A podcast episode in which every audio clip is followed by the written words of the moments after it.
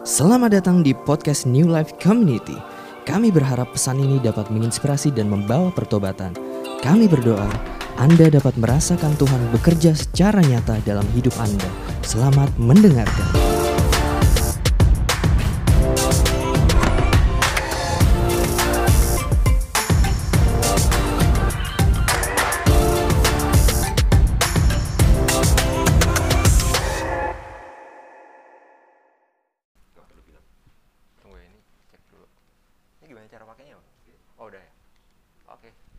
Uh, hi everyone. Uh, gue sorry gue masker aja.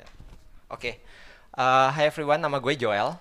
Uh, tadi Merrick udah introduce. Thank you so much. Ini pertama kali gue ketemu Merrick juga. Kita partnership waktu itu di kerjaan pas pandemi ya. Jadi meetingnya banyak kan online juga. Nggak pernah ketemuan. Terus uh, tiba-tiba Merrick kayak kontak gitu kan. Eh bro ini lu bukan sih? gitu kan. Terus kayak ah iya itu gue. Terus jadi ya apa? Uh, by the way my name is Joel. Uh, gue kebetulan uh, my full time jobs itu gue doing startups gitu kan. Makanya di Merrick juga di dunia startups. Jadi ya uh, kita related uh, in that part. Uh, tapi uh, yang tadi gue juga ngelit di satu komunitas namanya Fuse Fuse Jakarta. Jadi uh, kita itu interdenomination ya. Jadi nggak ada gerejanya. Uh, it's a community. Uh, dan kita makanya uh, apa kemarin itu ya mungkin ada yang di social media atau apa ya, buat blessing others saja lah buat uh, sharing-sharing ke orang lain juga. Itu jadi uh, sedikit perkenalan dari gue. Gue bukan pendeta bukan apa yang uh, pastor atau gimana tapi ya gue cuman kadang-kadang suka kayak gini untuk sharing firman Tuhan lah bareng-bareng. Kita belajar bareng-bareng soal firman Tuhan gitu ya. Oke semuanya udah siap untuk belajar firman Tuhan Siap? Oke, ya gue exciting. Oke, gue by the way disclaimer dulu, gue bakalan mungkin akan ada little bit interaction. Uh, gue suka abisnya I grow up in a community. Uh, gue suka dua arah, nggak cuma satu arah karena satu arah banyak kali tidur. Jadi ngantuk. Oke, ini gue uh, diinfoin sama Merrick juga temanya bulan ini kan karena mungkin pasca overcomer ya. And I think it's a really interesting topic. Jadi uh, soal overcomer ini pas gue uh, dengar pertama kali ini apaan sih gitu kan. Uh, terus selalu yang gue keinget soal overcomer adalah ayat ini gitu kan. Tetapi dalam semuanya itu di Roma 8 ayat 37 by the way, uh, kita lebih daripada orang-orang yang menang oleh Dia yang telah mengasihi di kita gitu kan. Nah ini jadi uh, ayatnya ini kayak yang selalu gue uh, ingat kayak overcomer. Oh terus kan kita nyanyi lagunya. Kita lebih daripada pemenang gitu kan. Nah itu uh, apa sih gitu kan lebih daripada pemenang. Gue kadang-kadang mikir kayak oke okay, kita lebih daripada pemenang itu gimana gitu kan. Orang ada yang udah menang terus kok bisa ada yang lebih lagi gitu kan. Nah menang itu apa sih gitu kan. Jadi itu uh, kenapa kita menang. Dan ini gue uh, ngambil dari uh, Merriam-Webster ya kalau nggak salah. Uh, kalau bahasa Inggrisnya yang tadi lebih daripada menang itu we are more than a conqueror gitu kan nah jadi conqueror itu uh, uh, the one who conquer obviously uh, one who wins a country in a war subdues or subjugates uh, people or overcome adversaries. Kalau bahasa Indonesia-nya simpelnya ya pemenang atau penakluk gitu kan. Nah jadi kita lebih daripada pemenang penakluk itu apa gitu kan. Nah Uh, ini kita mau lebih lanjut uh, soal ini adalah biasanya kalau kalian ngomongin soal menang itu apa sih? Definisinya biasanya kayak oh kalian mau apa di dalam hidup ini? Biasanya oh ya pengen sehat, pengen umur panjang. Biasa ulang tahun kan didoainnya itu. Oh pengen apa keuangannya supaya baik, pekerjaannya baik gitu kan, naik jabatan atau makin gede usahanya gitu. Atau yang di sini dewasa muda, you know, uh, pasangan dan lain gitu kan. Jadi uh, biasanya definisi daripada menang ini. Cuman kalau gue mau tanya, dari kalian di sini ada yang pengen sakit nggak? Nggak ada. Nggak ada yang pengen sakit. Ada yang pengen dapat kesulitan nggak? Nggak ada. Ada yang pengen dapat penderitaan nggak? Nggak ada. Oke. Di sini menarik ya. Kita semua di sini ngomongnya nggak ada yang suka disakitin gitu ya. Tapi gue tahu diam-diam kalian semua ini ada yang suka disakitin. Oke, okay. maksudnya gimana tuh suka disakitin gitu kan? Kan gue nanya kayak semuanya pengennya yang bahagia-bahagia gitu kan. Dan tapi padahal banyak dari kita yang suka disakitin dan gue mau buktikan. Buktikan kalau kalian suka disakitin. Siapa yang suka makan pedas? Siapa? Oke. Oke. Ini pedasnya nggak bisa dikit lagi sambelnya gitu ya. Mesti yang sampai keringetan banget gitu ya. Yang kedua siapa yang suka main game? Main game, oke. Okay. Nggak ada. oke. Okay. Menarik. Uh, jadi uh, tadi yang dibilang suka makan pedas, itu ada penelitian spicy science. What is spice and why we love the apa pain? Berarti kalian suka disakitin. Diam-diam masokis. enggak, enggak. Jadi uh, ini pain itu beneran sakit kan? Dan maksudnya ketika kita makan sambal itu itu sebenarnya reaksi yang di trigger itu adalah rasa sakit gitu kan? Tapi kenapa banyak orang yang suka? Berarti kan sebenarnya orang sama rasa sakit itu it's okay gitu kan? Malah mereka mencari gitu. Aduh kalau kurang disakitin kurang pedes gitu kan? Kurang enak nih gitu kan? Main games juga sama. Kalian kalau main games yang suka main games main sama lawan yang terlalu cupu gitu kan ah gila parah banget sih ini nggak ada tantangannya gitu kan. Nggak ada capek-capeknya nggak ada susahnya gitu kan. Malah nyarinya susah gitu kan. Karena kalau nggak ada challenge itu malah nggak menarik gitu kan.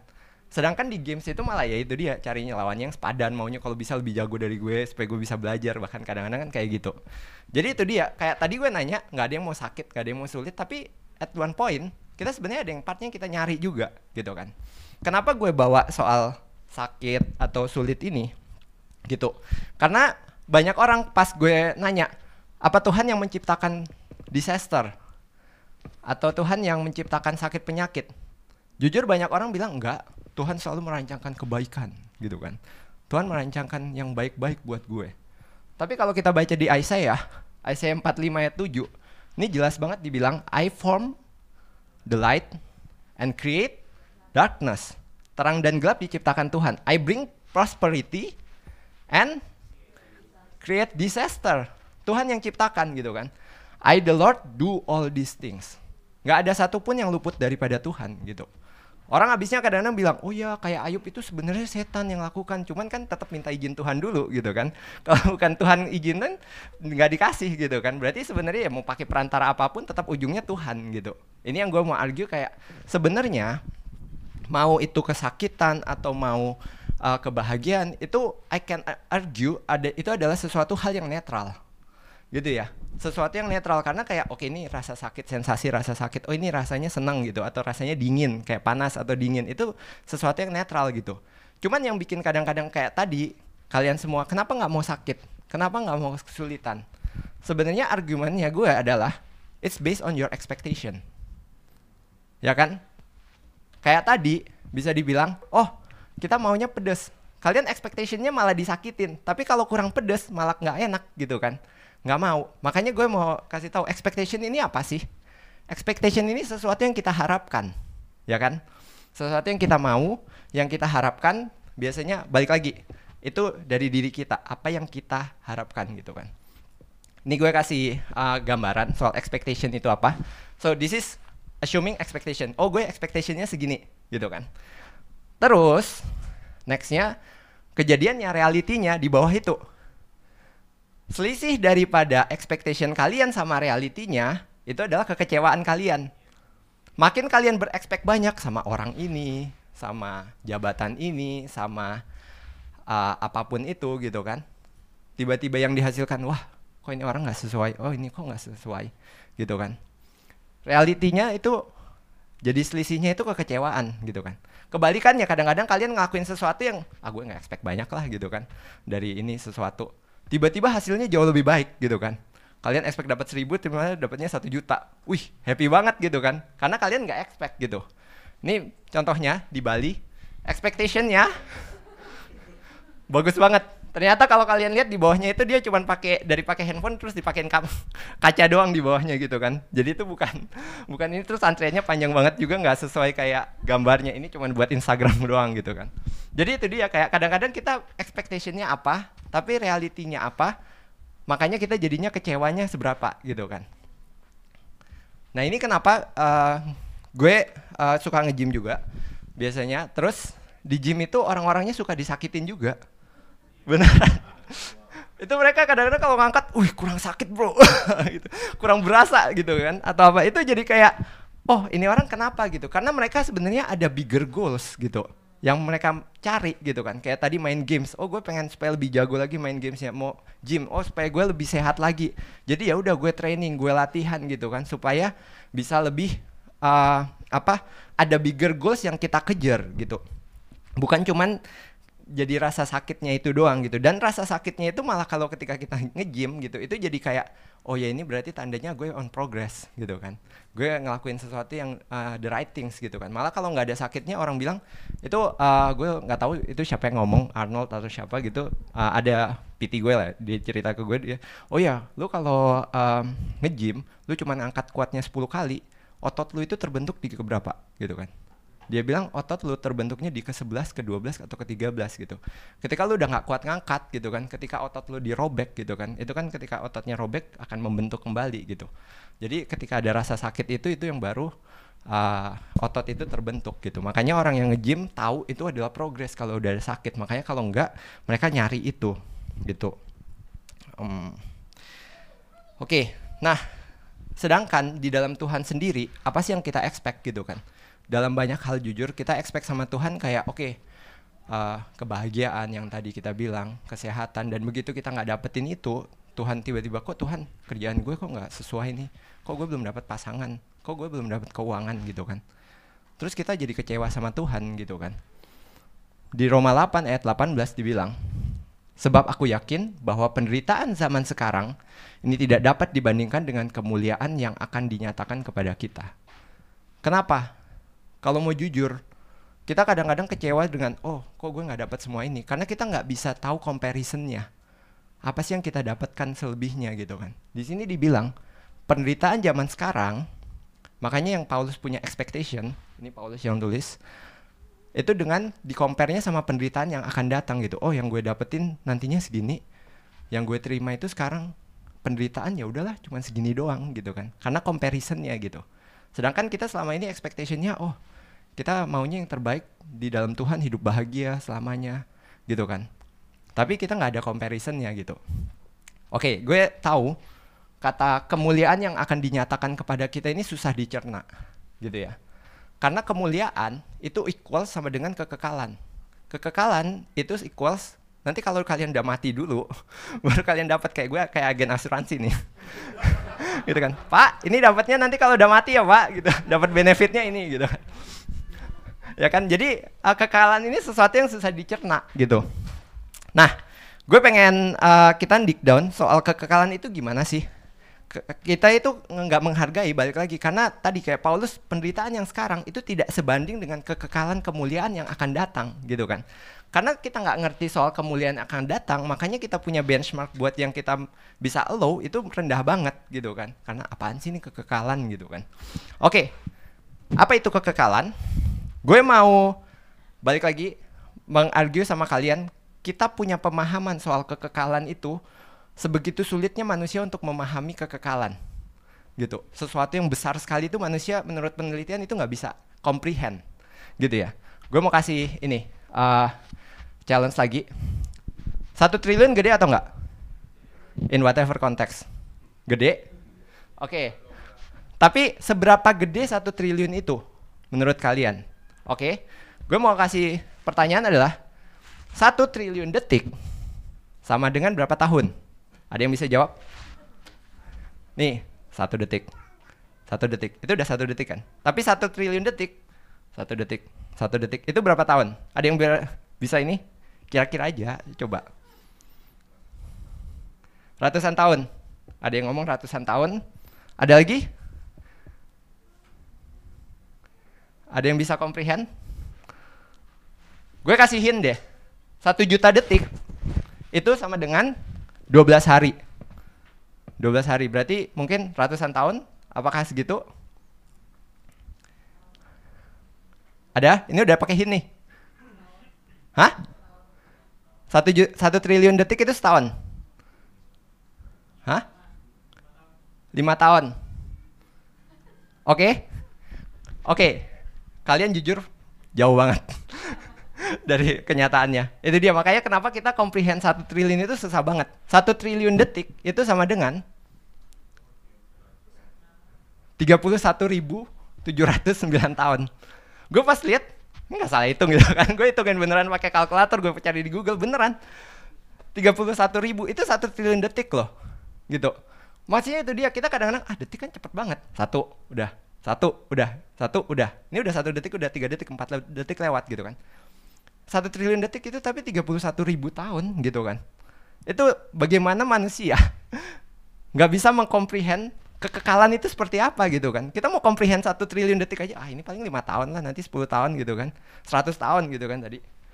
Enggak, 31 ribu tahun gitu kan. Kekekalan itu sebegitu jauhnya gitu, sebegitu besarnya dan kita kadang-kadang sebagai manusia itu susah comprehend gitu. Nah, ini gue mau belajar hitung-hitungan lagi. Di sini gue suka uh, hitung-hitungan. Jadi tadi kita udah lihat comprehend satu triliun detik itu 31 ribu tahun.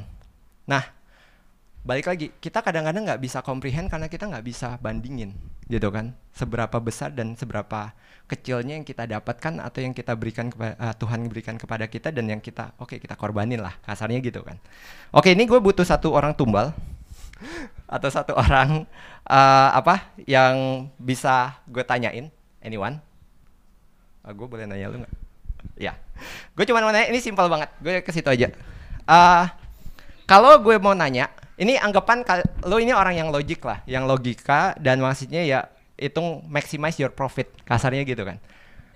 Ya, oke okay, bener ya. Oke, okay. berarti gue I choose the right people. Oke, okay. Uh, gue cuma mau nanya, kalau gue mau minta ke lo satu miliar dikasih nggak? Ya kan? Nggak. Oke, okay. kalau 100 juta deh? Nggak. Oke, okay. alasannya kenapa? Kalau gue boleh tanya. Oke, okay. Great answer. Gue suka butuh, butuh dapatnya. Oke, okay, ini gue bakalan pertanyaan yang mungkin kelihatan bodoh, tapi gue akan coba kasih uh, jelasin nanti. Assuming gue kasih ke lu dulu, gue kasih ke lu dulu ya, 10 miliar. Gue kasih ke lu 10 miliar, tapi gue minta ke lu 1 miliar deh habis itu. Habis gue kasih 10 miliar ini, gue minta lagi 1 miliar. Lu bakalan kasih nggak?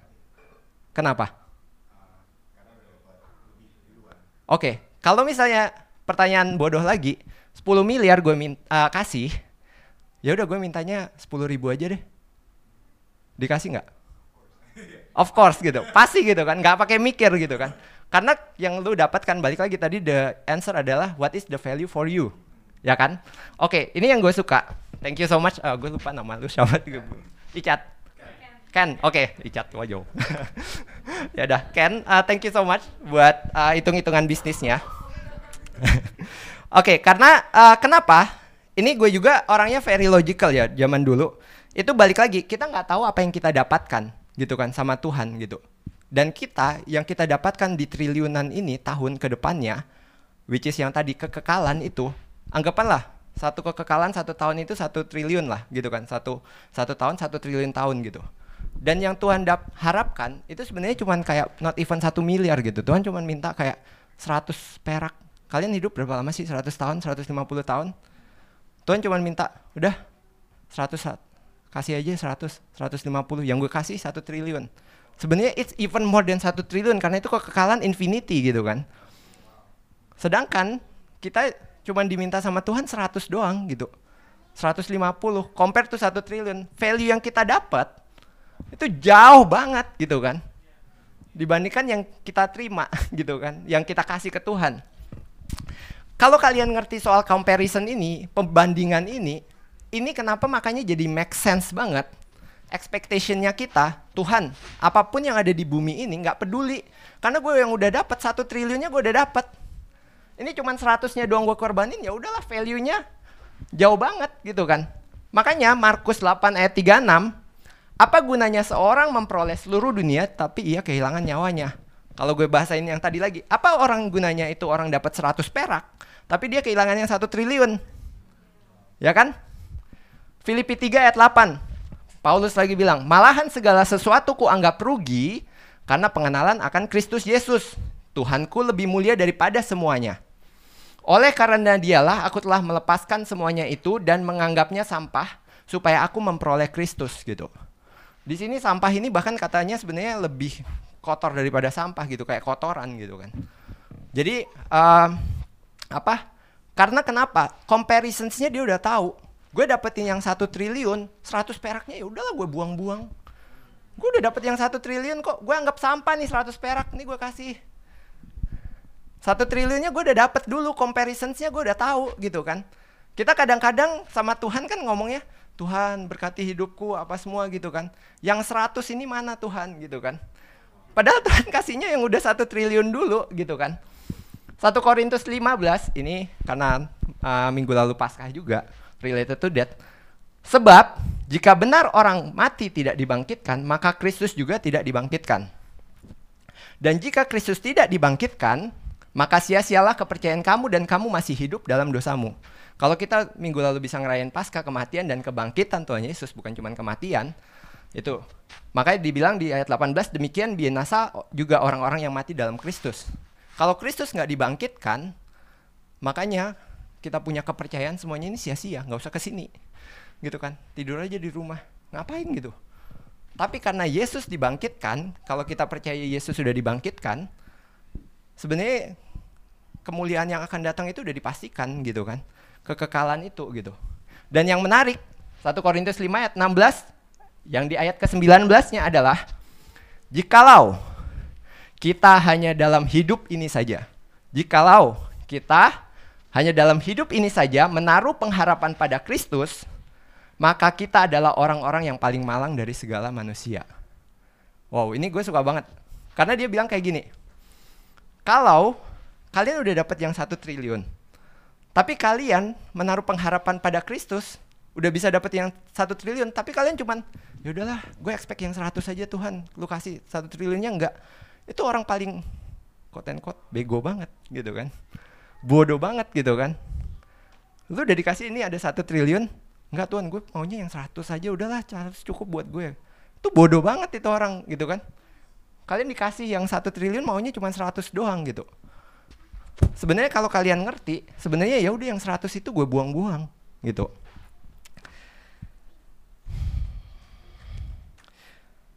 Nah, eh, jadi balik lagi, yang Tuhan janjikan di dalam kehidupan kita ini bukan soal kesehatan, keuangan dan pasangan. Bukan semuanya itu.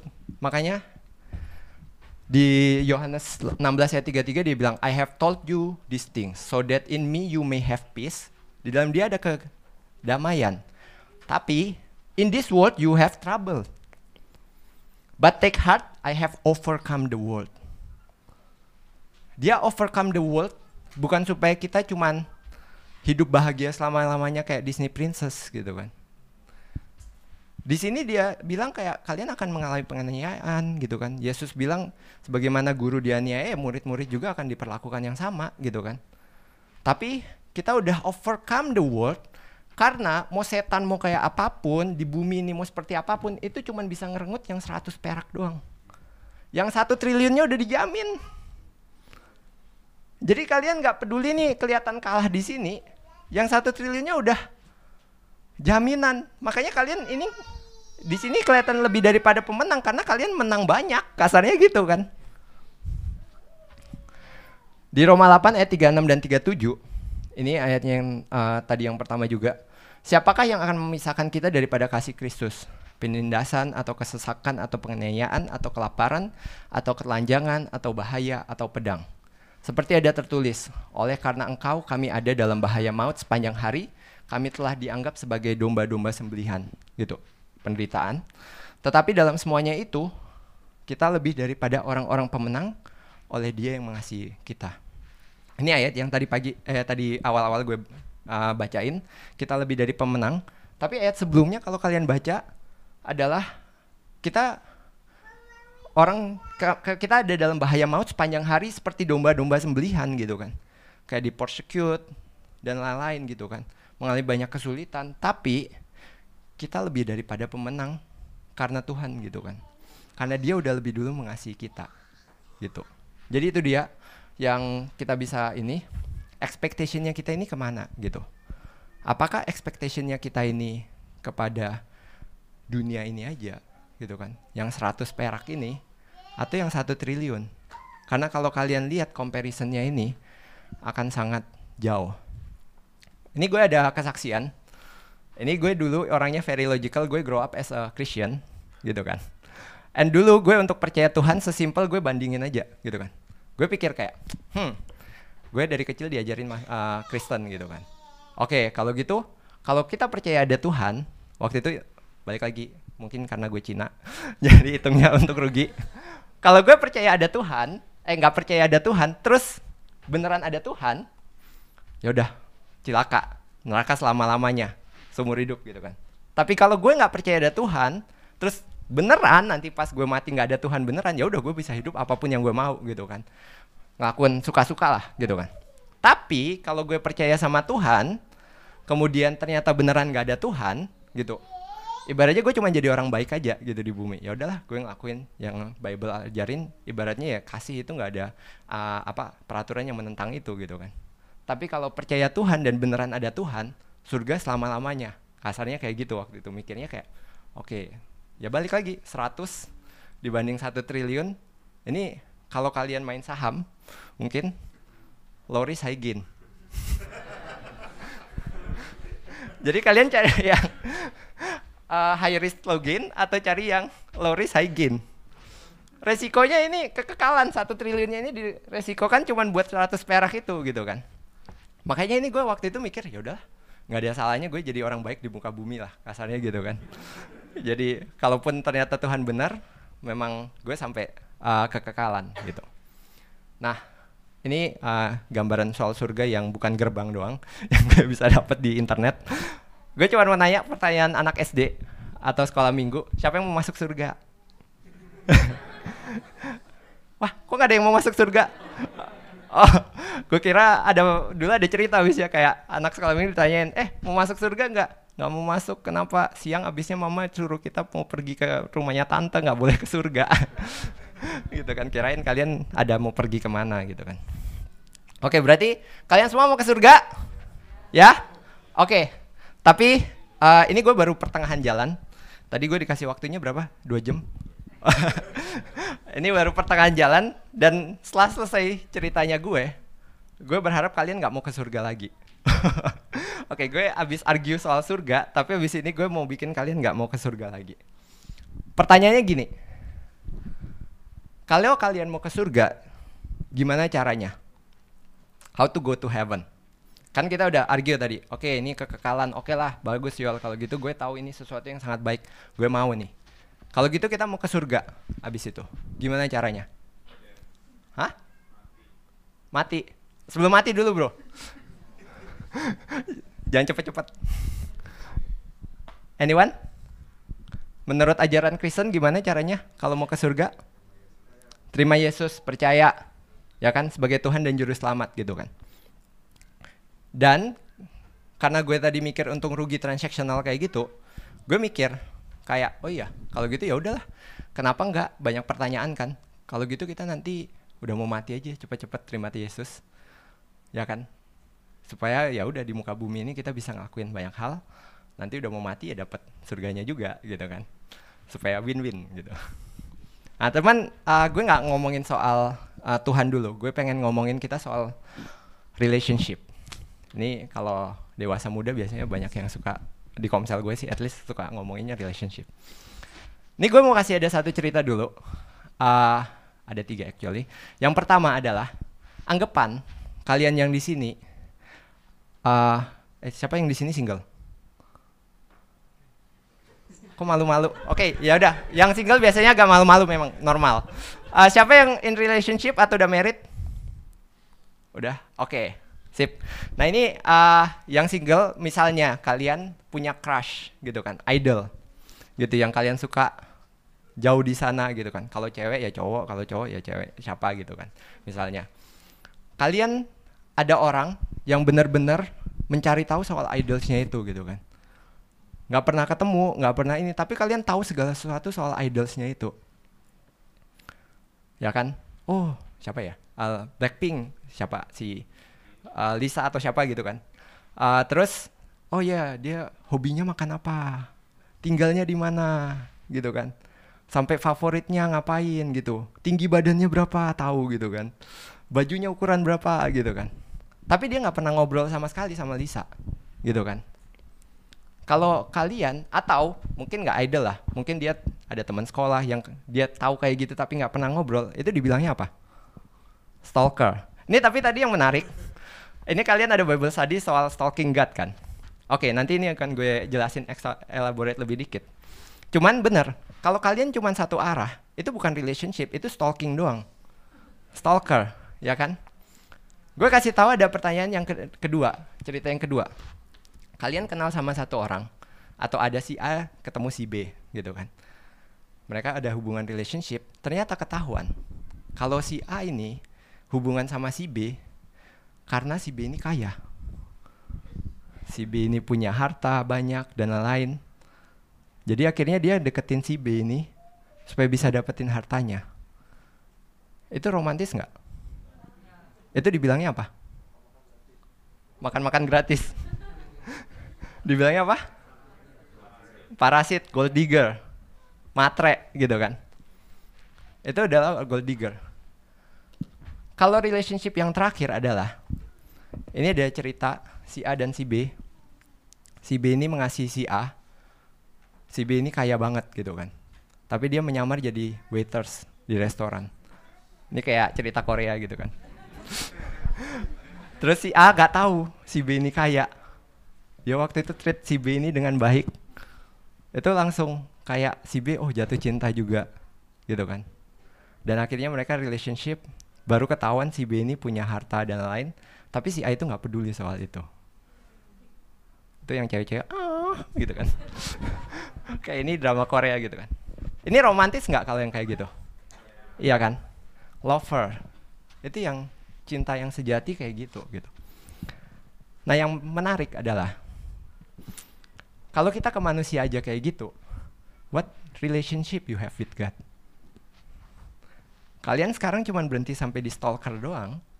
Cuman tahu diceritain sama Merik atau pendeta kalian. Oh Tuhan itu kayak gini loh. Tapi kalian nggak pernah tahu Tuhan itu kayak gimana, nggak pernah ngobrol. Atau yang kedua, oh kita tahu Tuhan ada surganya, ada rumah yang besar di sana.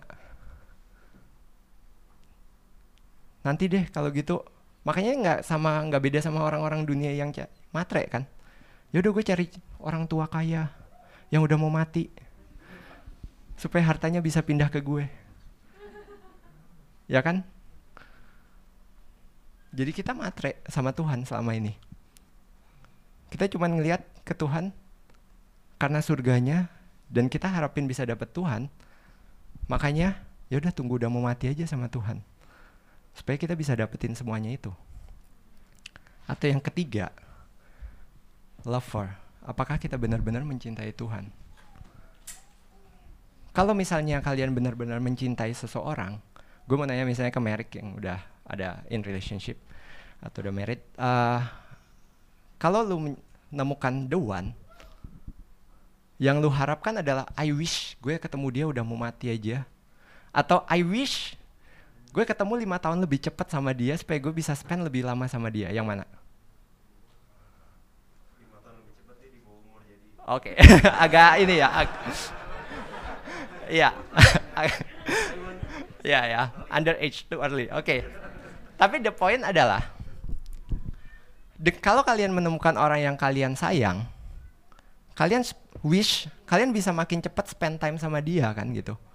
Bukan cuman kayak I wish gue udah mau mati doang, gue nggak mau relationship sama dia tapi habis itu gue buang aja gitu kan, supaya gue dapet yang gue mau.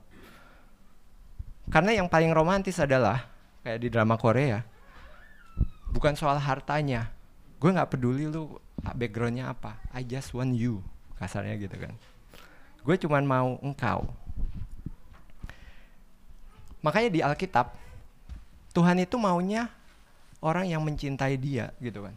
Hosea 6 ayat 6, I don't want your sacrifice. Gue nggak peduli lu punya persembahan, gue nggak peduli lu punya pelayanan. I want your love. Tuhan yang bilang loh. I don't want your offering. I want you to know me.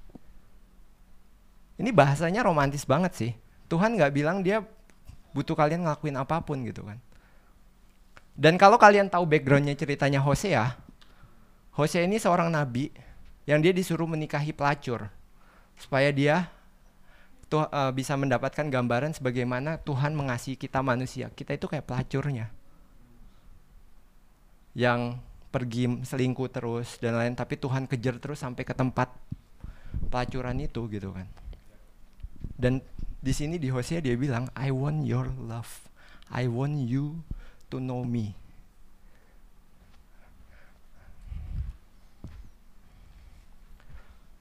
Tapi yang menarik adalah Tuhan itu udah lebih dulu mengasihi kita lebih daripada kita mengasihi dia gitu kan. Dengan segala dia yang ada ini kalau kayak drama Korea Tuhan itu orang yang kaya kita kayak orang miskin banget gitu kan. Yang Tuhan cintai apa adanya gitu. Di Roma 5 ayat 8 akan tetapi Allah menunjukkan kasihnya kepada kita oleh karena Kristus telah mati buat kita ketika kita masih berdosa. Bukan ketika kita udah berbuat baik gitu kan. Karena begitu besar kasih Allah akan dunia ini, sehingga ia telah mengaruniakan anaknya yang tunggal, supaya setiap orang yang percaya kepadanya tidak binasa, melainkan peroleh hidup yang kekal. Ini ayat hafalan. Jadi balik lagi, bukan soal apa yang kita lakukan, tapi Tuhan udah lebih dulu mengasihi kita. Dan gue bisa share, Jesus offer a relationship gue bisa argue Yesus ke dunia itu nggak membawa agama, bukan agama Kristen, bukan agama karena paling simpel. Oh apa kamu uh, Kristen? Yesus saja di dunia kan Yahudi kan, it's a Jewish gitu. Dan kalau ditanya perbedaan Yesus sama agama lain di seluruh dunia, gue bilang simpel satu. Semua agama termasuk Kristen itu mengajarkan bagaimana kita ke surga. Kamu mesti dibaptis, kamu mesti ke gereja tiap minggu, kamu mesti melakukan ini ini, ini kalau kamu mau ke surga. Muslim, kamu mesti ngumpulin pahala. Kalau timbangannya pahalanya banyak, kamu mesti bisa naik surga. Buddha, karma, gitu kan. Kamu mesti ngelakuin sesuatu dulu, sehingga kamu bisa achieve surganya. Tuhan Yesus yang satu-satunya yang bilang, you are hopeless. Apa pun yang kalian lakukan, nggak ada yang bisa kalian lakukan untuk bisa achieve standarnya Tuhan, perfection. Gitu. Makanya Tuhan Yesus mesti mati ke dunia. Bukan kita yang reach out ke surga, tapi surga yang reach out ke kita. Ya kan? Surga reach out ke kita untuk kita bisa selamat gitu. Karena kalau kita yang reach out ke surga, hopeless nggak nyampe-nyampe terus, gitu kan? Dan relationship is not a home, uh, not a place. Kalau kita bisa bilang adalah Home is where the heart is. Kenapa kayak gini? Kalau kalian yang pernah jatuh cinta sama orang, yang jomblo-jomblo walaupun belum punya pasangan, pernah jatuh cinta pasti. Kalau kalian pernah jatuh cinta sama orang, kalian dekat sama orang itu, kalian pergi ke tempat paling jelek pun, ke tempat pembuangan sampah atau apa, tapi ada orang itu, gitu kan? Iya waktu itu ada orang yang uh, lagi apa charity gitu kan ke tempat pembuangan sampah Bandar Gebang atau apa tapi sama yang cewek yang dia suka gitu kan. Jadi itu kayak dia happy banget gitu kan ke tempat sana. Kalian bayangin kalian di tempat itu sama orang yang kalian sayangin gitu kan. Itu tempat paling bahagia di dunia gitu kan. Kebalikannya, kalian benci banget sama satu orang. Gue pernah waktu masih kecil bete banget sama adik gue. Kita lagi liburan di tempat yang paling bagus. Gue bete, karena ada orang yang gue nggak suka di situ. The fact adalah kalau kalian nanti ke surga, terus kalian nggak suka sama Yesusnya, kalian bete di surga. Itu berasa kayak neraka. Ya kan? Sedangkan kalau kalian di mana pun kalian cinta sama Yesusnya, di mana pun Yesus berada, itu udah jadi surga buat kalian. Ini yang waktu dulu gue tadi gue cerita gue punya story adalah gue dulu very transactional sama Tuhan. Oke Tuhan, gue dapetin lebih banyak. Ya udah, gue jadi orang Kristen yang baik deh. Tapi at one point, gue dengar pendeta si Francis Chan atau uh, John Piper waktu itu dia ngomong kalau di surga nggak ada Yesus, apa kalian masih mau ke surga? Tadi kalian semua mau ke surga, tapi gue tanya, kalau di surga nggak ada Yesus, kalian masih mau ke surga atau enggak?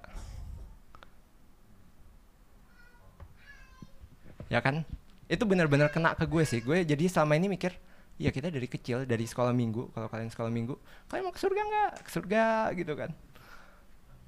Tapi habis itu gue mikir iya selama ini yang kita kejar cuma surganya doang bukan Yesusnya gitu kan. Gue nggak peduli Yesusnya Yesus cuma buat tiket doang kok. Gue cuma pakai Yesus supaya udah gue dapat surganya. Nggak beda sama orang matre itu kan kita. Ke manusia aja kita bisa ngomong itu matre. Tapi ke Tuhan normal banget. Ya udah buat ke surga aja nggak apa-apa ya kan?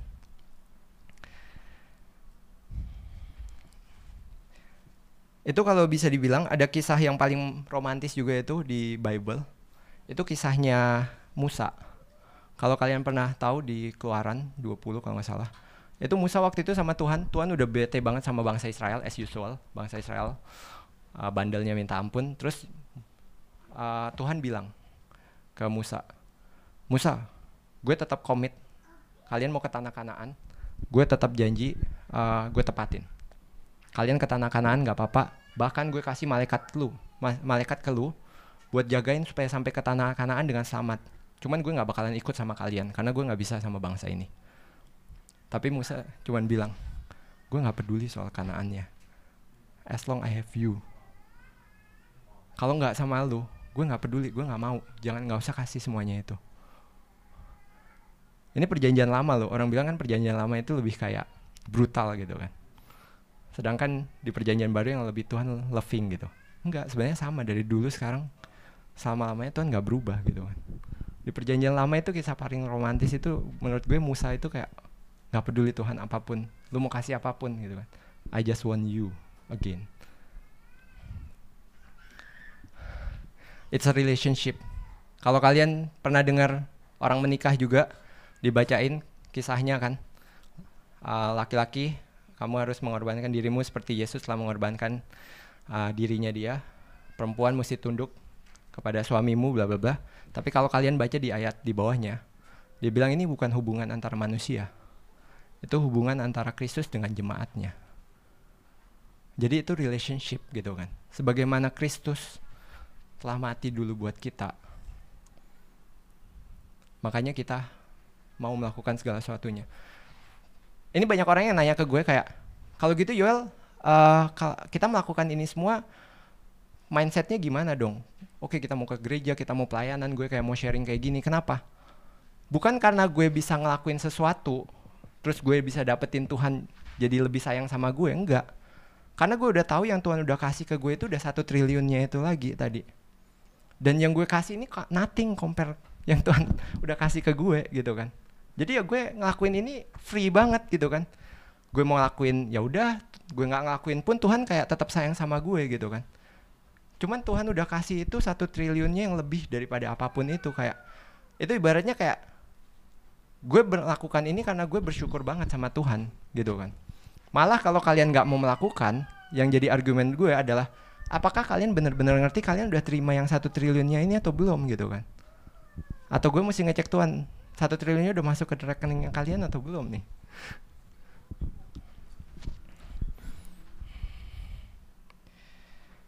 Ini ayat yang tadi Roma 8 ayat 3 637 tidak akan ada yang dapat memasahkan kita daripada kasih Allah yang ada dalam Kristus Yesus Tuhan kita.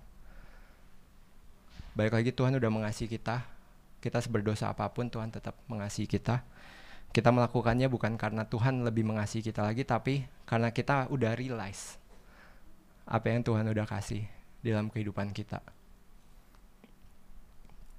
Gue berdoa kalian gak jadi stalker. Kalian boleh belajar banyak soal Yesus, tapi jangan cuma sampai berhenti di stalker. Have a real relationship sama Tuhan, ya kan? Kayak tadi kita uh, nyanyi juga lagunya yang uh, Love So Deep yaitu Jesus Christ, you are my one desire ngomongnya romantis banget kan tapi itu cuma di mulut kalian atau hidup kalian bener nggak? Apakah Yesus itu your one desire? Atau cuman gombalin doang ke Yesus? Ya kan? Cuman supaya dapetin surganya ada situ bye gitu kan? Jadi balik lagi siapa yang masih mau ke surga? I wish I wish semuanya kalian looking for Jesusnya. And I really believe heaven itu akan ada di mana Yesus berada. Makanya terakhir ini uh, Yesus itu berdoa, Bapa kami yang di surga dikuduskan namamu, datanglah kerajaanmu di bumi seperti di surga. Dia nggak bilang nanti tunggu ke surga dulu, baru kalian dapat surganya. Jadilah kerajaanmu di bumi seperti di surga. even di bumi kalau kalian punya relationship sama Tuhan, makanya kalian akan ada kedamaian, kalian akan ada apa pun. Karena ada Yesusnya di situ. Ini gue ngomong kayak gini bukan gue udah perfect. Jujur gue sharing kayak gini aja gue masih kayak struggling a lot of the times dan gue selalu berdoa Tuhan engkau yang tolong pegang tanganku karena tangan gue lemah banget.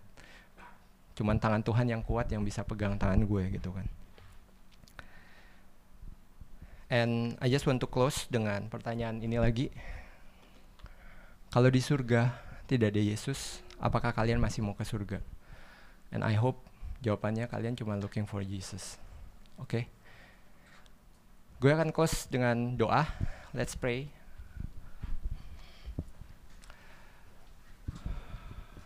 Tuhan, kita udah dengar uh, sebagian daripada yang you'll sharing Tuhan, biar apa pun yang sharingkan ini hanya daripada Engkau saja. Roh Kudus, I know you have a personal relationship with every one of us, Tuhan. Engkau ada di dalam setiap hati kami, Tuhan. Engkau yang mengenal kami lebih daripada apa pun. Tapi kami juga pengen mengenal Engkau lebih daripada apa pun, Tuhan. Kami nggak mau cuman jadi stalker atau kami cuman memanfaatkan Engkau supaya kami bisa masuk ke surga, tapi kami pengen punya relationship sama Engkau, Tuhan. Kalau ada yang daripada kalian masih belum punya relationship itu sama Tuhan, I believe this is a two ways relationship. Tuhan bisa memperkenalkan dirinya kepada kalian. Kalian bisa berdoa, Tuhan, gue pengen mengenal Engkau lebih lanjut, lebih lagi Tuhan. Lebih daripada yang gue udah pernah kenal sebelumnya. Kau yang tolong dong, kenalin ke gue apa yang kau mau reveal Tuhan.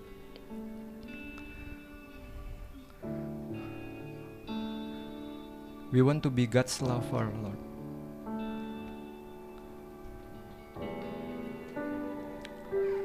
Berdoa itu ke dalam setiap hati kalian. Minta itu. Kayak Ayub. Ayub itu mengalami semuanya itu. Dia kita lihat dia di keluarganya hilang, harta bendanya semuanya hilang. Tapi mungkin itu yang harus dia laluin. Karena ketika di akhir ceritanya Ayub, Ayub bisa bilang, dulu dari kata orang saja aku mengenal engkau. Tapi sekarang dengan mataku sendiri aku mengenal engkau. Bukan lewat pendeta, buat lewat pastor, bukan lewat siapa pun, tapi kalian punya pengenalan itu sendiri sama Tuhan. Kalian punya pengenalan personal sama Tuhan, bukan dari kata orang, tapi kalian bisa klaim Tuhan benar-benar mengenal aku dan aku mengenal Tuhan. We are a lover. Kita saling mencintai.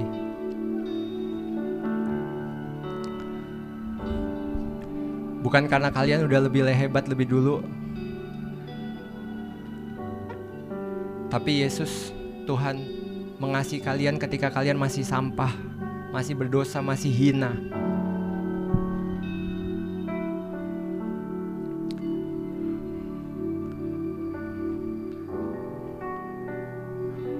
Dan a relationship.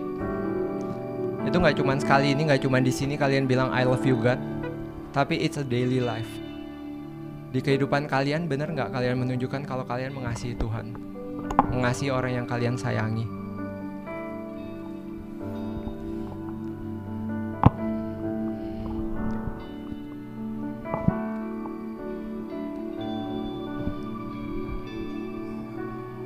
Tuhan Yul di sini udah selesai. Tapi Roh Kudus Engkau yang terus berproses dalam kehidupan kami masing-masing. Engkau yang terus jamah kami. Engkau yang terus pegang tangan kami Tuhan.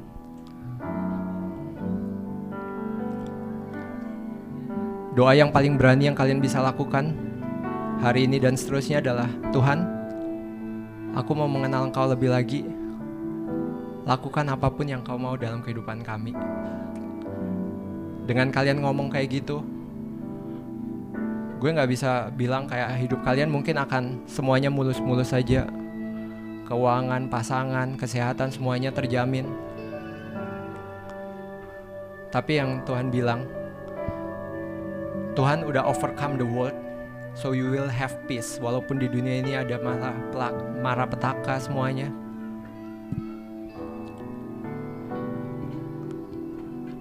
Tapi Tuhan akan selalu bersama-sama dengan kalian melewati semuanya itu. Dan dari semuanya itu, gue juga berdoa, kalian akan makin punya pengenalan yang lebih dalam dengan Tuhan. Bukan pengenalan yang datar-datar aja, yang cuman, oh ya gue cuman tahu Tuhan. Tapi kalian benar-benar mengenal Tuhan secara dalam. Terima kasih Tuhan. Serahkan Tuhan Yesus kehidupan kami semuanya ke dalam tanganmu. Hari ini besok biar di mana pun kami berada kami bisa menjadi terang kasihmu dan kami terus bisa diproses oleh engkau. Dan menjadi semakin serupa dengan engkau dan semakin mengasihi engkau Tuhan. Terima kasih Tuhan. Dalam nama Yesus. Amin. Terima kasih sudah mendengarkan podcast ini. Kami berdoa Anda diberkati melalui pesan yang telah disampaikan. Mari sapa kami melalui Instagram at New Life dan bagikan pesan ini supaya lebih banyak orang yang diberkati.